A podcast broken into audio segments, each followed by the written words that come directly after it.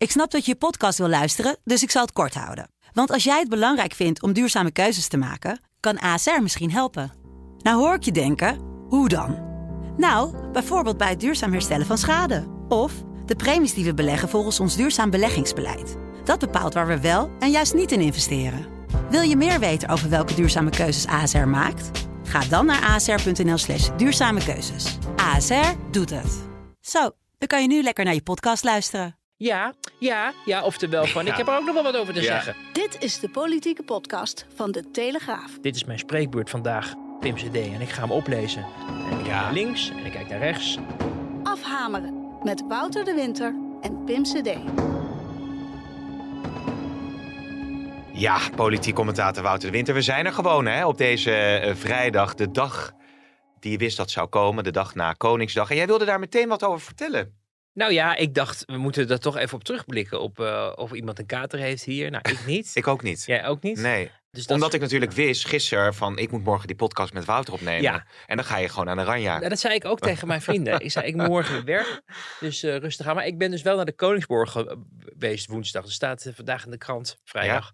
Een eh, verslag ook van die Koningsborrel. Dat is een traditie die eigenlijk al door Jules eh, Paradijs destijds is ingezet. En eh, door Paul Jansen is overgenomen om de dag voor Koningsdag met een select gezelschap het gras te heffen. Jij kan daar vrij over praten, want het staat ook in de krant. Dus het is al Wat, wat, wat, Normaal houden we dat ze vertel, altijd geheim. vertel. Ja, Nou, het was was heel- details weten. Het was heel druk en eh, nou ja, er werden lekkere drankjes geserveerd. Uiteraard Heineken bier, want Hotel de l'Europe, daar, daar was het. Dat is van, eh, van Heineken. Eh, maar ik kan verklappen dat er ook bubbels waren van het, Oh. van het betere merk. Oh ja, Van die weduwe, weet je wel? weten we Joustra. Nee, Nee, nee, nee. De Veuve Clicquot. Oh, ja. Ik zit je me Nou, weer aan te een kijken. Hier. Anyway, dus dat was eh, smullen. Mooi, En, eh, Chandon? en, ik weet het niet, ik ben geen Nee, champagne nee, kenner. laten we, laten we Maar moet ik dan weer, dan voel ik me weer zo die domme presentator van deze podcast. Dat Nee. ik dit weer niet begrijp, deze Nee, hint. nee, dat ge- geeft niet. Helemaal mensen zullen het ook niet begrijpen hier. Maar dat is mijn lievelingsmerk. Want dat heb ik. ehm, ik heb van mijn opa nog een champagnekoeler geërfd via mijn vader. Ja. Waar, eh waar Veuve Clicquot. Dus echt uit, eh, ja, ik weet niet, de vorige eeuw natuurlijk ergens. En die heeft zich eh, ja, nu eh, bij mij gevestigd, die Oh. champagnekoeler. En dat is dan toch mooi dat je dan denkt van, ja, dat is het merk van mijn grootvader Ja. geweest. Wauw. En hij had smaak kennelijk. Ja, dus dat, dat mooi. is dan mooi. Ja, dus Ja, dat vind ik dan heel leuk. Om te, dat zie je dan. Dan denk je, oh leuk. Nou, enfin, geklets mensen, want daar luistert u natuurlijk niet voor. Maar ehm, daarna nog wat wezen eten in de stad. En dan eh, heb je dan wel een klein katertje de volgende dag op Koningsdag. En dan kan je dan met die kan je dan televisie kijken. En dan zie je die, eh, het operette circus in. Rotterdam aan je voorbij trekken. En eh, dat heb ik dus ehm, met een klein katertje gisteren bekeken. Ja, hoe, hoe is dat bevallen? Ja, ja, ja, ja, ja. Het, het hoort erbij allemaal, toch? Ja, en kijk, ik bedoel, het is allemaal, een heleboel mensen vinden het leuk. Hè? Er hebben ook weer meer dan 2 miljoen mensen naar gekeken. En het is Mm. een traditie. En eh, het is een prachtige dag. En Rotterdam is een prachtige stad natuurlijk. Dus dat, dat is, het levert in ieder geval een mooi plaatje op. Eén punt van kritiek, als je dan ziet hoe dat geforceerde geklets over eh, dat onderzoek van eh, de Oranjes naar het koloniale verleden dan weer in het programma moest worden gefietst. Waar dan toevallig weer net een, een camera bij stond die alles kon, ook live Ja. kon registreren. Dat je wel denkt van, het is natuurlijk wel een, een waagstuk, want hij kan maar iets eruit vloepen wat onhandig is. Eh, het is allemaal live tv, dus dat, dat is dan wel eh, ja, eh, op zich gedurfd. Maar het is natuurlijk allemaal politiek correct. Maar ik vond het een beetje, ja, vond een beetje over de top. Ja. En ook gesprek met toeslagenouders. Ja. Je denkt, ja, het is Koningsdag. Er wordt van alles gedaan in gesprekken en onderzoeken. En de koning is er ook heel mee begaan. En er komen ook, zijn ook toeslagenouders op het paleis geweest. Hij heeft de staatssecretaris van toeslagen Aukje de Vries ook ontboden op het paleis om haar eh, deelgenoot te maken van wat hij van die toeslagenouders heeft gehoord. Dus we Mhm. weten dat hij begaan is eh, met het eh, onderwerp. Maar je hoort wel in Haagse kring heel duidelijk de behoefte van we moeten de koning meer van zichzelf laten zien. Hij is natuurlijk vaak heel erg ehm vooral aan het zwaaien en af en toe een ongelukkig en onhandig en ongemakkelijk moment als hij excuses moet maken voor iets. Of eh, dan, dan, dan hapert hij even, want dan komt bij hem binnen dat het een belangrijk iets is wat hij gaat zeggen. Hebben we nu al een paar keer gezien. En eh, nou ja, dat is ook gewoon menselijk. Maar men heeft wel de behoefte, ook natuurlijk gezien de, de niet al te florisante peilingen Ja. over het Koningshuis, om hem toch wat meer ja, zichzelf te laten zijn. En een signaal te geven van hij is er ook voor mensen die zich misschien niet 1, 2, 3 zouden aangesproken voelen door het Koningshuis. Maar ja, nu dat zo in het programma te fietsen, vond ik dan persoonlijk een beetje. Uh, geforceerd of geforceerd. zo, ongemakkelijk misschien. Ja, ja, ook omdat, en je, je hebt al heel snel ook het idee, vooral die mevrouw die dan met hem sprak over het onderzoek. En hij zei van ja, dat, dat gaat dus een paar jaar duren, dus nog even geduld. Maar ik wil dat als nazaat, wil ik dat onderzocht hebben. En je hoorde aan, aan die mevrouw die met hem zat te praten van ja, ja, ja, oftewel van ik heb er ook nog wel wat over te zeggen. Ja, ja, ja, en het contrast is zo groot met de andere dingen die ze dan natuurlijk doen uh, op zo'n dag. Ja, dus dat vond ik allemaal okay, uh, wat, wat okay. lastig. En nou, toen, ja. nou ja, maar het hoogtepunt was natuurlijk Lee Towers. Ja. En maar dan ging die prins Maurits ging heel raar met die arm doen, weet je. Wat ja, dat is het gebaar natuurlijk, ja, maar hè, die ook, elleboog. Ja, maar ook echt zo heftig dat ik dacht van... Uh, ja, nee, ik heb niet alles gezien, want ik stond ook met de kinderen op de vrijmarkt. Ik heb iets van uh, 40 euro verdiend of zo, geloof ik. Dus, uh, waarop ik altijd weer de kritiek krijg, terwijl als mijn vrouw dan even weg is en dan komt er iemand langs die zegt van nou, ik wil dat wel kopen. Wat wil je ervoor vragen? Ik denk, nou ja, god, weet je, zo'n oude meuken, zeg ik 5 euro. En dan komt mijn vrouw weer terug en zegt, voor hoeveel heb je dit verkocht? Ik zeg, nou, 5 euro. Zegt ze, wat? 5 euro? Daar had je 30, 40 euro ja. voor moeten vragen. Ja. Maar ik denk, ja, ik maak die mensen daar blij mee. Dus neem nog wat lekkers mee. Huppatee, kan mij het schelen. Ja, toch? maar nou, ik was dus gisteren met, met uh, twee van, van mijn laatste vrienden. Kle laatste kletsen. Ja, ja, Chris, en André. Dus want die hadden dus ook um, een, samen met wat vrienden nog een kraampje ergens uh, in de buurt. Uh, of eigenlijk in de pijp. Nou, daar stonden hele bakken met schoenen en allemaal de kleren en zo. Ja. Die echt voor een habbekrats Ja. werden weggegeven. Ja, En dan nog het afdingen hè, van ja, 2 euro, Ja, ja, ja, 1,50. klopt, Weet je. Dan zie je mensen met stuivers in de weer uit hun portemonnee. ja, dat zit in de aard van de Nederlander, zullen we maar zeggen. Heel Maar bijzonder. goed, ik heb heel veel eh, voor een uh, habbekrats weggegeven en weinig uh, onderhandeld daarover. Ehm, ik vroeg mij af, die persconferentie van Rob Jette, die was afgelopen woensdag. Was dat eigenlijk een bewust moment om toch dit gevoelige thema op zo'n dag te bespreken? Dat je weet dat er de dag daarna uh, ook geen kranten uh, uitkomen. Het leek allemaal redelijk smooth te gaan. Dat hele persmoment. Nou, Normaal proef je misschien wat meer opheffen ook al uh, daarover. Ja, nou ja, het, het, is wel voor het eerst dat er geen kranten werden bezorgd volgens mij. Want normaal is dat altijd wel op Koningsdag. Mm. Op Hemelvaartsdag bijvoorbeeld niet. Dat weten we al heel lang.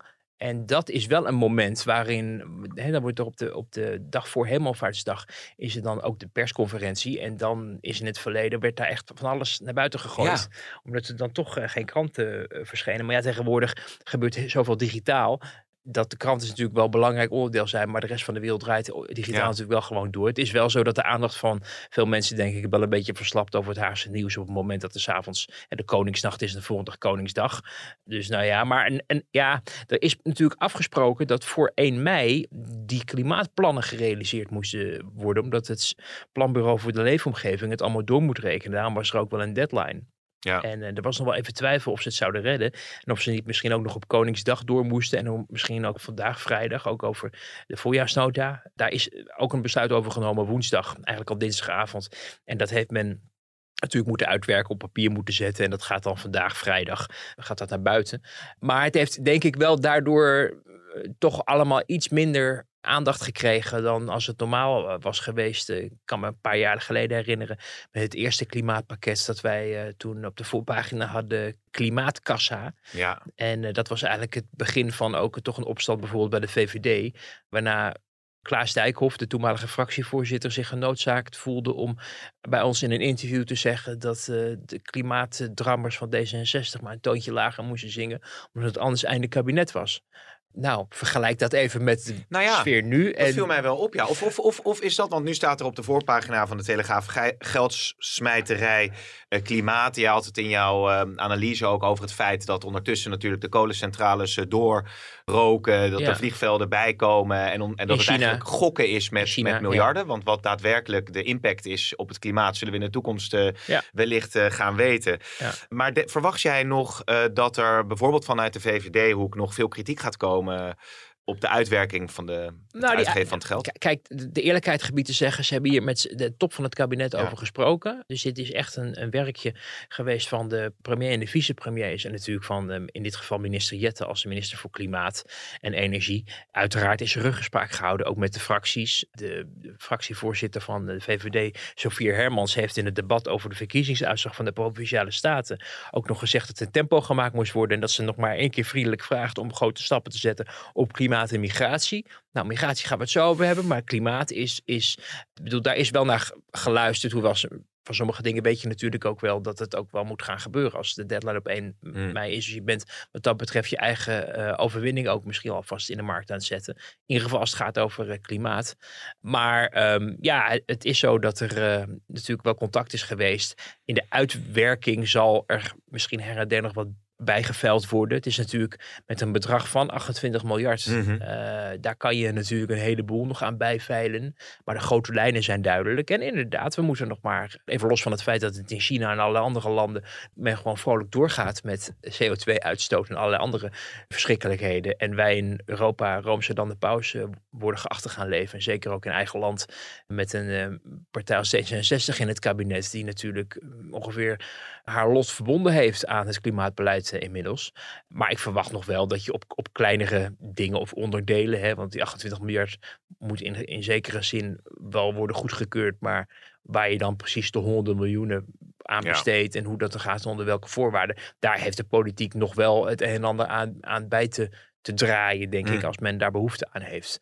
Maar het is in ieder geval heel belangrijk voor partijen als eh, D66 om hiermee eh, de boer op te gaan. Kijk eens, dit is het verschil. Dit is, we doen het goed Ja. of we doen het niet. Ja, ja, ja, ja. Ja, Sigrid rechtvaardig, hè?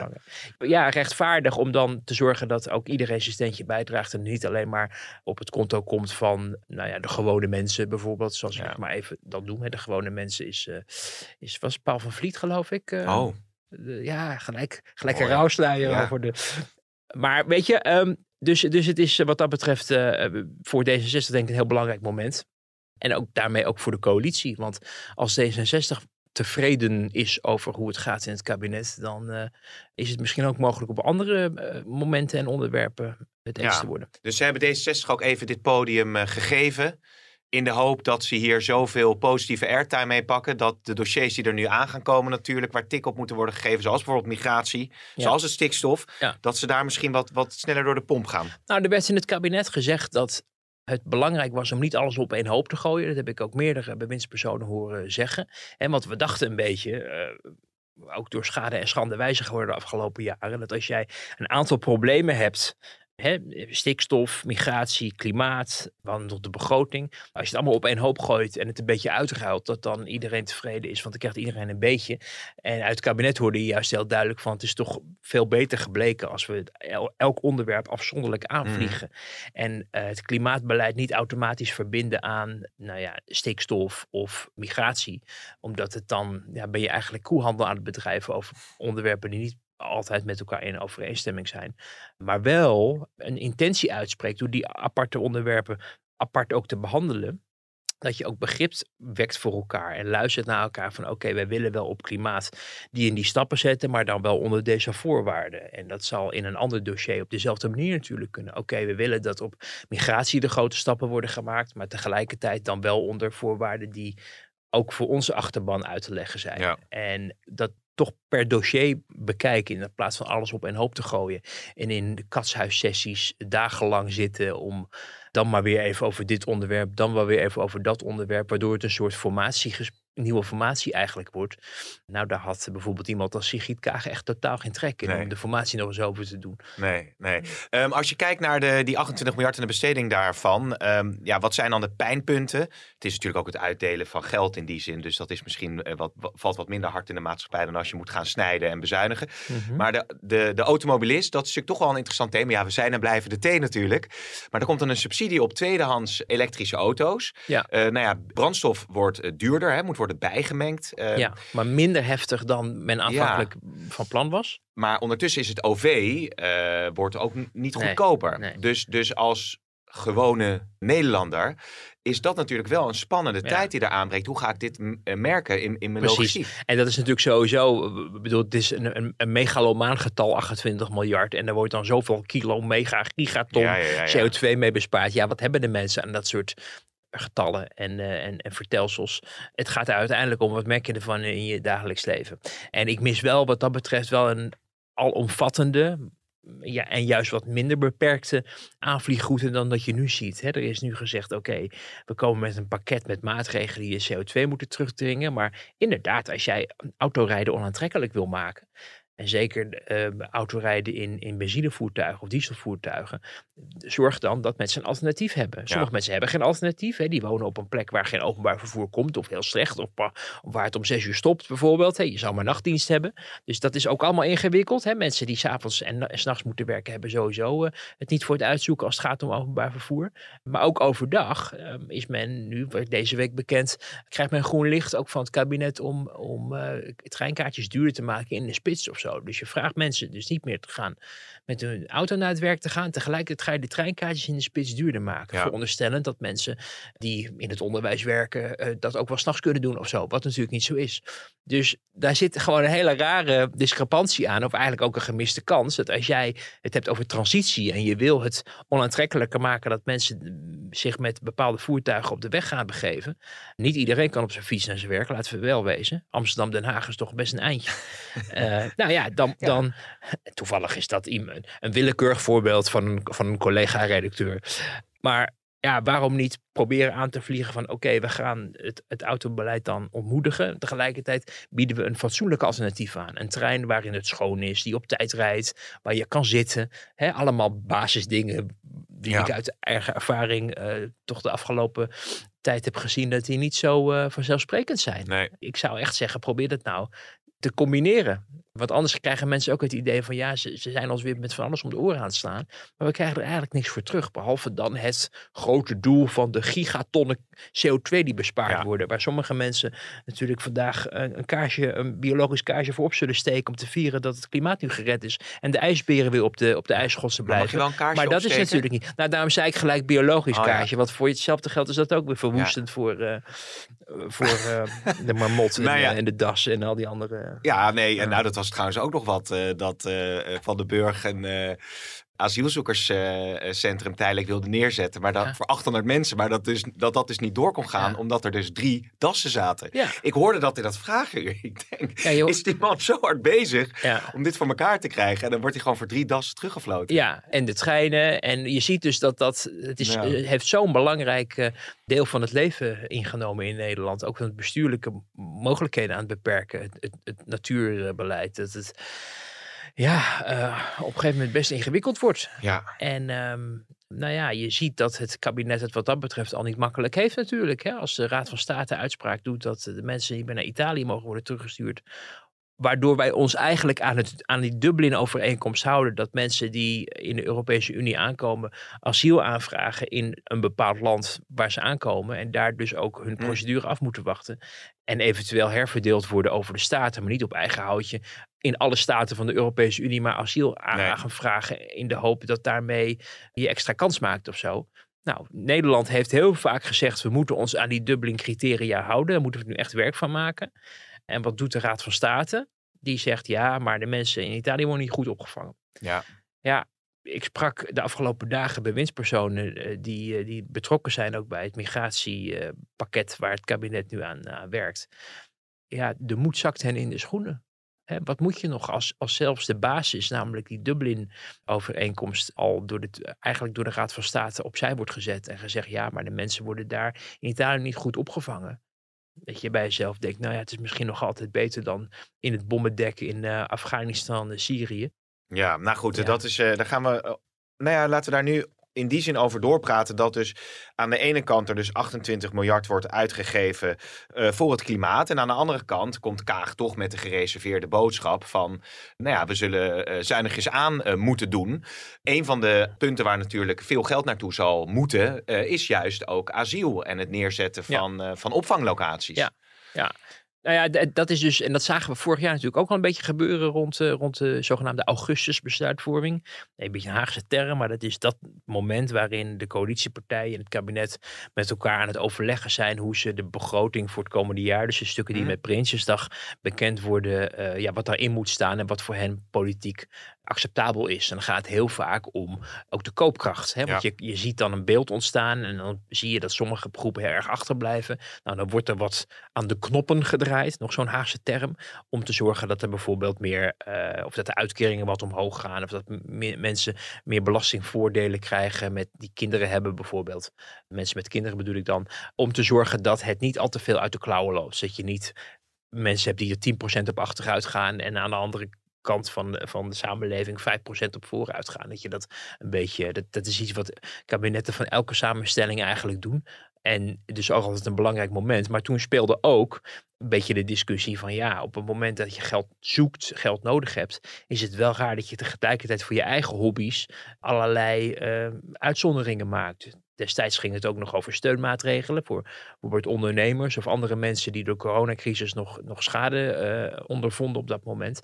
En dat het dus heel ingewikkeld is dat op het moment dat mensen hun bedrijf door ja, onvoorziene omstandigheden, als dat ze verplicht moesten sluiten bijvoorbeeld, of op halve kracht moesten doorgaan, het heel moeilijk hebben gekregen. Dan geen overheid hebben die voor hen de klappen opvangt, zoals bijvoorbeeld voor de KLM is gebeurd. En tegelijkertijd wel een overheid die miljarden uit ja, over, ik zeg dan even over de balk smijt, dat is wat gechargeerd. Uitgeeft is een betere uitdrukking. Om de, ja, de dingen die zij in het coalitieakkoord hebben afgesproken, maar gerealiseerd te krijgen. Dus je moet altijd zoeken naar een juiste balans. Alleen ja, voor een partij als D66 is het natuurlijk niet acceptabel dat je dan zegt, nou dan halen we wel 10 miljard uit het klimaatfonds en dat geven we wel op een andere manier weg. Dus je moet, je wil overeind houden wat je hebt afgesproken, maar uiteindelijk, en dat proces komt nog niet eens zozeer in de voorjaarsnota, daar is, zijn de contouren al vastgelegd, maar ook veel meer richting Prinsjesdag weer. Een balans zoeken, dat inderdaad niet het beeld ontstaat dat voor klimaat de, de bomen tot in de hemel groeien. Maar als het gaat om het opvangen van klappen voor mensen die het ingewikkeld hebben, of, of gewoon zaken die moeten gebeuren. Ja, als dus inderdaad asiels, uh, asiel. Ja, hè, hoe verhoudt zich al die geldsmijterij tot het verhogen van het eigen risico, bijvoorbeeld in de zorg. Nou, dat is nu, lijkt het uh, van tafel, althans vooralsnog. Uh, je weet natuurlijk nooit wat in augustus gaat gebeuren, maar die balans bewaken, dat is natuurlijk wel heel belangrijk. Ja, maar een partij als D66 staat natuurlijk ook voor onderwijs, staat ook voor uh, werkende ouders. En je hebt dus nu al begrepen dat de kinderopvang gratis is uitgesteld. En gratis tussen aanhalingstekens, maar met twee jaar is uitgesteld. Ja. Dus dat, dat komt ook door de uitvoerbaarheid, hè, begreep ik. Maar het is natuurlijk wel gewoon een bezuiniging, toch? Um, ja, kijk, weet je, ik moet heel vaak terugdenken aan de, de motie Bos van Aartsen. Help me even. ja, die waren ook al voor uh, gratis kinderopvang.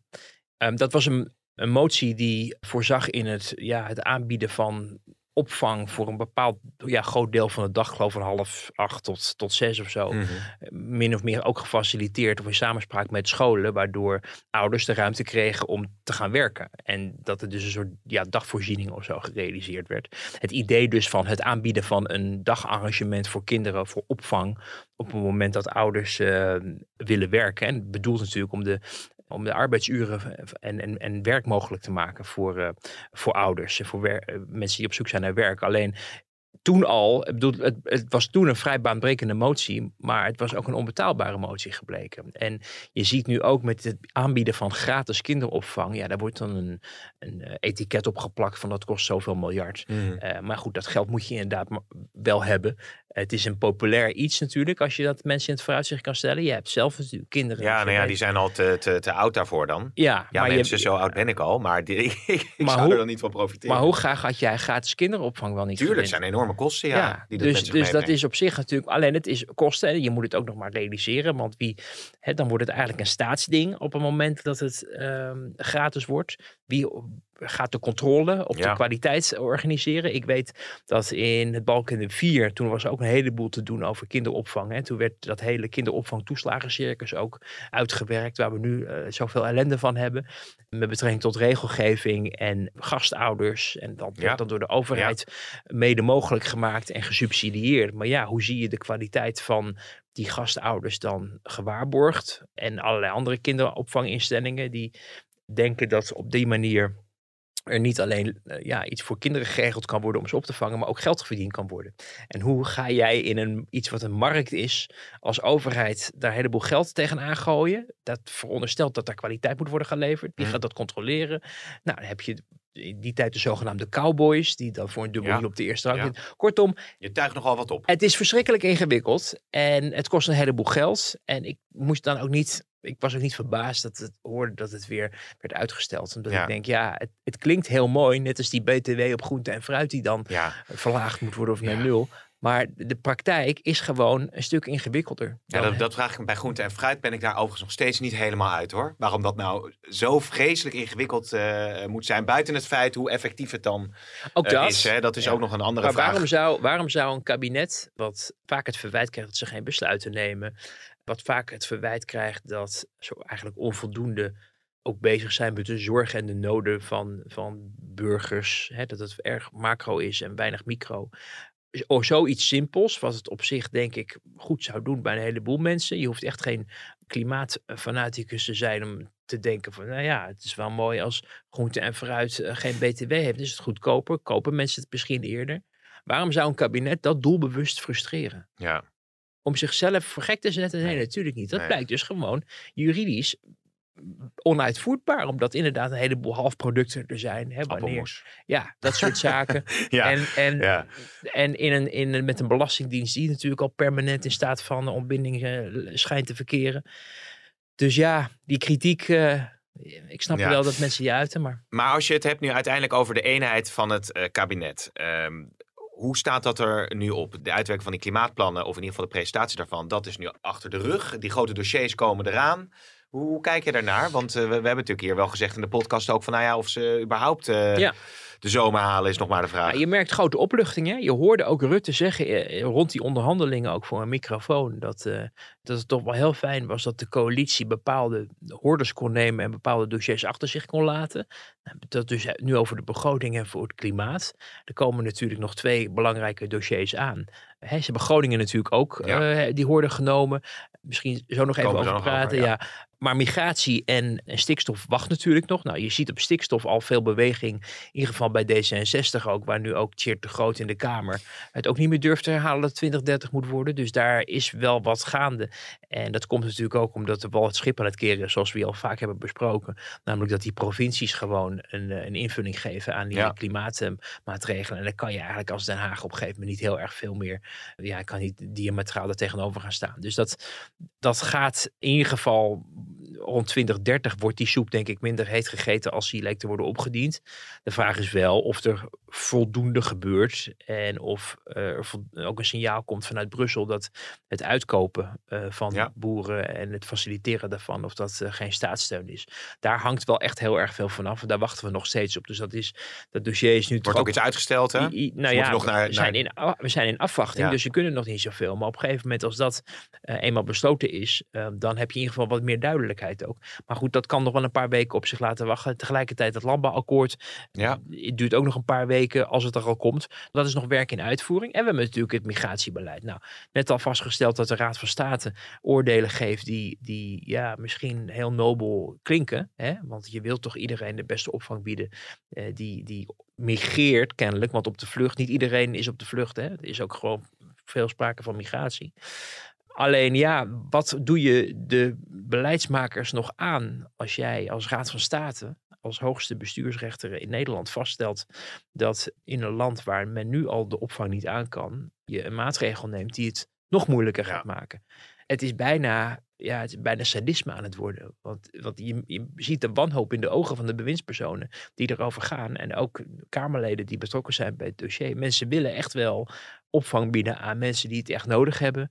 Vluchtelingen, mensen die echt op de vlucht zijn voor oorlog. Maar een heleboel ongenoegen is er over mensen die hier gewoon helemaal niet hadden mo- moeten komen. Omdat ze geen recht hebben op opvang. Dat ook lang en breed bekend is. Omdat ze uitgeprocedeerd zijn en het land moeten verlaten.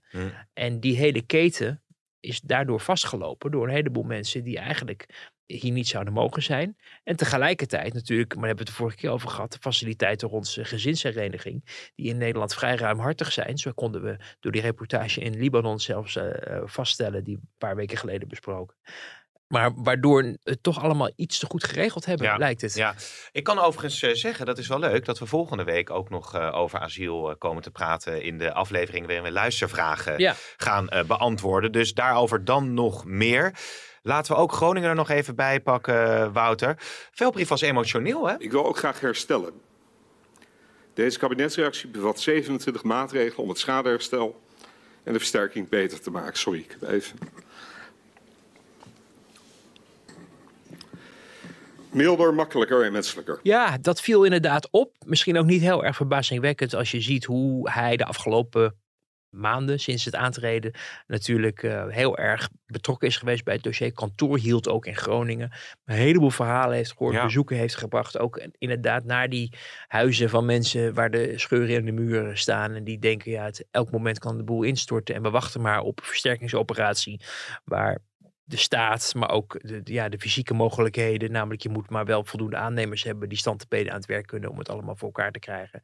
Ja, eh, mensen zich in de steek gaan laten voelen. En dan zit je daar. Eigenlijk, als je zelf de woorden in de mond neemt van dit is de laatste kans, dan komt het ook allemaal wel erg op jou als verantwoordelijke van de overheid uh, neer. En zo legde die dat ook uit. Ik voel mij de vertegenwoordiger van datgene, van het instituut, dat verantwoordelijk is voor de ellende van veel mensen en dat ook zo ervaren wordt. En dat je dan toch met de pet in de hand die mensen in de ogen kijkt en zegt, ik heb er alles aan gedaan om dit tot een goed einde te brengen. En ik voel uw leed en we hebben uh, geen ruimte meer. Dus ja, op zich heel mooi. Iets wat je niet vaak natuurlijk bestuurders uh, ziet doen. Of je ziet dat ze soms wel eens doen, die emoties tonen. Maar dan denk je, ja, bij sommige mensen zijn die op afroep beschikbaar. Hè?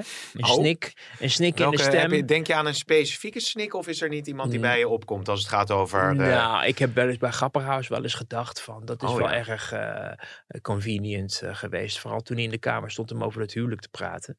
Dat vond ik. En sommige oh, mensen zeggen dan weer wel van, van ja. Dat was het huwelijk natuurlijk wat in coronatijd was, waar te veel mensen bij aanwezig waren. Wat allemaal zeer onhandig was natuurlijk, op zijn zachtst gezegd. Ja, en dan moest hij dan, dan, moest hij dan de Kamer verantwoording over na uitleggen. En dan zeggen mensen, ja, hij is emotioneel. Dus het was echt. Maar ik dacht, ja, het enige wat je nog kon doen om, je, om, om, om het lijf te redden. Want iedereen heeft dat, hè, iemand die gaat huilen tegenover je. Daar heb je als gesprekspartner. Eh, ja, dan ben je klaar. Hè? Ja, dan ben je klaar. Dat hoor je ook heel vaak in de werksfeer. Als mensen eenmaal de waterlanders laten stromen, dan kan een, ook een baas eigenlijk niet zoveel meer doen dan een arm om je heen slaan. Dus dat doe jij ook vaak, hè? De waterlanders tonen als het even te veel wordt. Ik, ik, bij mij gebeurt dat niet uh, zo vaak, uh, gelukkig. Maar, nou ja, goed. maar ik dacht, je wilde iets uit eigen ervaring. Nee, hoor, nee, nee, nee, helemaal niet. Helemaal niet. Maar wat mij wel opviel, ik zat RTL Nieuws te kijken naar, die, naar dat persmoment ook. En dat ook de Groningers ook zeiden van nou, van die... Ja, ik ga geen Groningers na praten, maar van Rutte moet ik het allemaal nog maar zien. Ja. Uh, heel sceptisch. Hè? Uh, terwijl bij Velbris zeiden ze van nou, die man die, die, die, die geloven we wel. Ja, en ik, ik, ik, moet je zeggen, bedoel, het is onmiskenbaar waar dat, dat Rutte als minister-president natuurlijk een grote eindverantwoordelijkheid draagt. Dat zegt hij zelf natuurlijk ook. En hij zit er inderdaad al 13 jaar bij. En um, wat dat betreft de constante factor, want geen enkele andere minister. Mm. Dus het is ook handig om hem daarop aan te spreken. Maar ja, ik, ik blijf volhouden dat het mij te ver gaat om te zeggen dat het leed van de Groningen komt door Mark Rutte. Het gaat ook wel wat langer terug natuurlijk. Ja, allemaal. je kan hem echt wel verwijten dat hij wel deed tegen die Groningers. Dat het hem heel erg aangreep. Maar vervolgens naar, terug naar Den Haag reed. En nou ja, de parlementaire enquêtecommissie kon vaststellen dat het dan vervolgens in de, in de ministerraad niet heel erg door hem werd geprest om die woorden waar te maken. Maar goed, het gaat mij nog steeds te ver om Rutte als een soort hoofdschuldige neer te zetten daarvoor. Maar wel iemand die zeker verantwoording niet af te leggen. Daarom is het goed dat er een debat over gehouden wordt. En mensen zoeken natuurlijk ook een uitlaatklep om in ieder geval iemand verantwoordelijk te houden voor een overheid die jarenlang wegkeek en die de signalen niet te hard nam. Maar er zijn natuurlijk een heleboel bewindspersonen die allemaal niet meer op het plus zitten. En de ene is burgemeester in Eindhoven, een ander is gepensioneerd, weer een ander zit weer ergens anders. Die mensen hebben allemaal nooit verantwoording af te leggen, want die zitten niet meer in Den Haag. Maar die zijn, zijn uh, op zijn minst mede verantwoordelijk voor de ellende die veel mensen natuurlijk tot op de dag van vandaag uh, ervaren. De machine van de gaswinning winning, denderde maar door.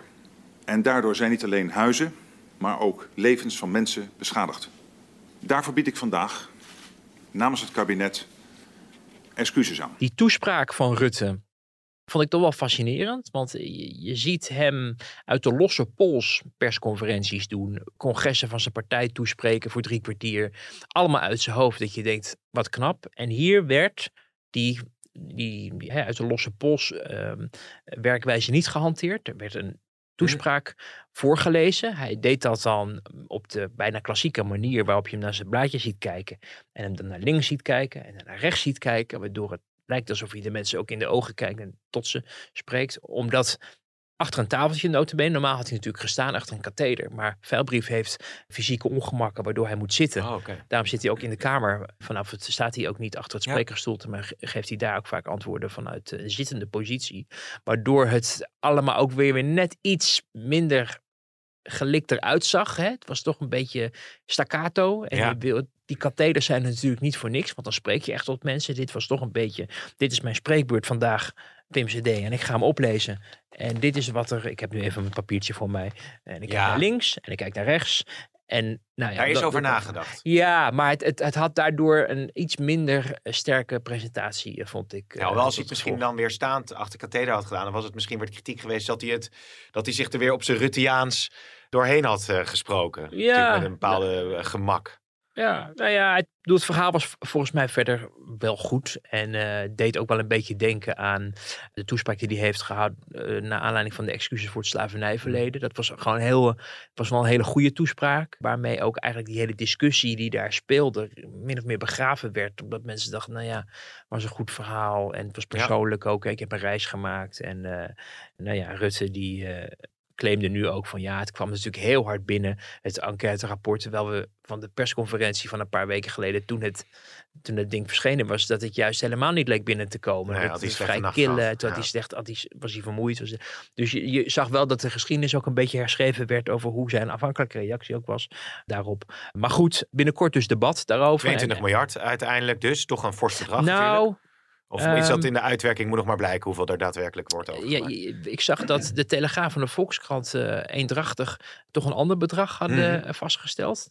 Namelijk eh, 7,5 miljard. Dat is eh, zeg maar als Ja. als, als ereschuld, zal ik het maar zeggen. En er is natuurlijk nog een bedrag wat de, de versterkingsoperatie eh, moet financieren. En daar hè, er zit natuurlijk ook, er zit ook heel veel geld in. Maar ehm, het was toch wel iets anders Je kan dan het niet plussen. De bedragen die genoemd werden aanvankelijk, eh, het was 30 miljard werd er geclaimd. Nou, dat is dan sowieso minder dan dat. Ik hoorde ook in kabinetskringen heel duidelijk van, nou, het is een onhaalbare eis die ook echt niet gaat gebeuren. En dan ga je vervolgens beschouwen hoe duid je dan het geld wat wel vrijkomt. Hè? Als jij elk jaar 250 miljoen uittrekt, doe je structureel 250 miljoen. Ja. Maar je kan het ook 30 keer 250 miljoen en dan heb je 7,5 miljard. Ja, en zo wordt er natuurlijk in Den Haag wel vaker gegoocheld met, met bedragen. Op het moment dat je tot de verbeelding wil spreken, dan tel je alles bij elkaar op en dan zeg je, kijk eens hoeveel. Ja. Terwijl als jij het hebt over bijvoorbeeld het dichten van gaten op de begroting, dan gaat het heel vaak om structureel geld. En dan heb je maar een paar miljard te dichten. Maar dan heb je dat wel te doen dat dat dan structureel ook moet doorwerken. Dat je niet ineens zegt, ja, maar volgend, volgend jaar hebben we weer hetzelfde probleem. Dus ik merkte wel dat in de manier waarop ook de overheid het wilde verkopen, het grootste bedrag, of de, ja, de grootste berekening werd gekozen in de plaats van Ja. toch de realistische. Oké, Wouter. Nou, we kunnen tot slot van deze podcast eh, de mensen dus eh, eh, hopelijk boeien voor volgende week. Hè, want dan gaan we luistervragen eh, beantwoorden. Dus we zijn er gewoon elke week. We gaan gewoon door. We gaan volgende week luistervragen beantwoorden. Ik zit nog wel even na te denken of ik mijn citaat over, of mijn, mijn ding over ehm, Paul van Vliet nou goed had gedaan. Oh ja. Dus mochten de Paul van Vliet fans zijn, vergeef me. Maar ik moest er even aan denken deze week. En ik dacht dat dit eh, zijn Nou. formulering was. Maar geen boze brieven. Want Nee, dat het is ook mooi dat we Paul van Vliet in ieder geval genoemd hebben Ja, in deze podcast. Ja. Ehm, ik spreek jou snel weer, Wouter. Dankjewel. tot volgende week.